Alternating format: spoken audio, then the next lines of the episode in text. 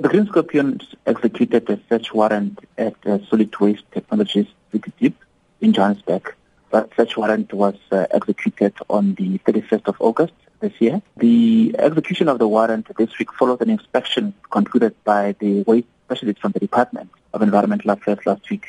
The investigation and execution of the search warrant un- uncovered serious violations of the Waste Act by some of the major healthcare groups whose waste is being stored at the said uh, solid waste technologies uh, facility. Modisi sê die maatskappy is in April vanjaar 'n 200 000 rand boete opgelê vir soortgelyke oortredings.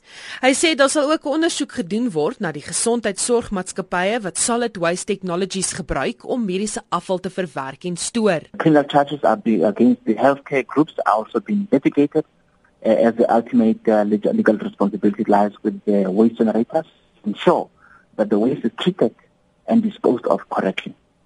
The criminal investigation further emphasizes that the Green Scorpions will continue to approach all individuals who elect to flout environmental laws and deal with them decisively in a quest to protect the environment.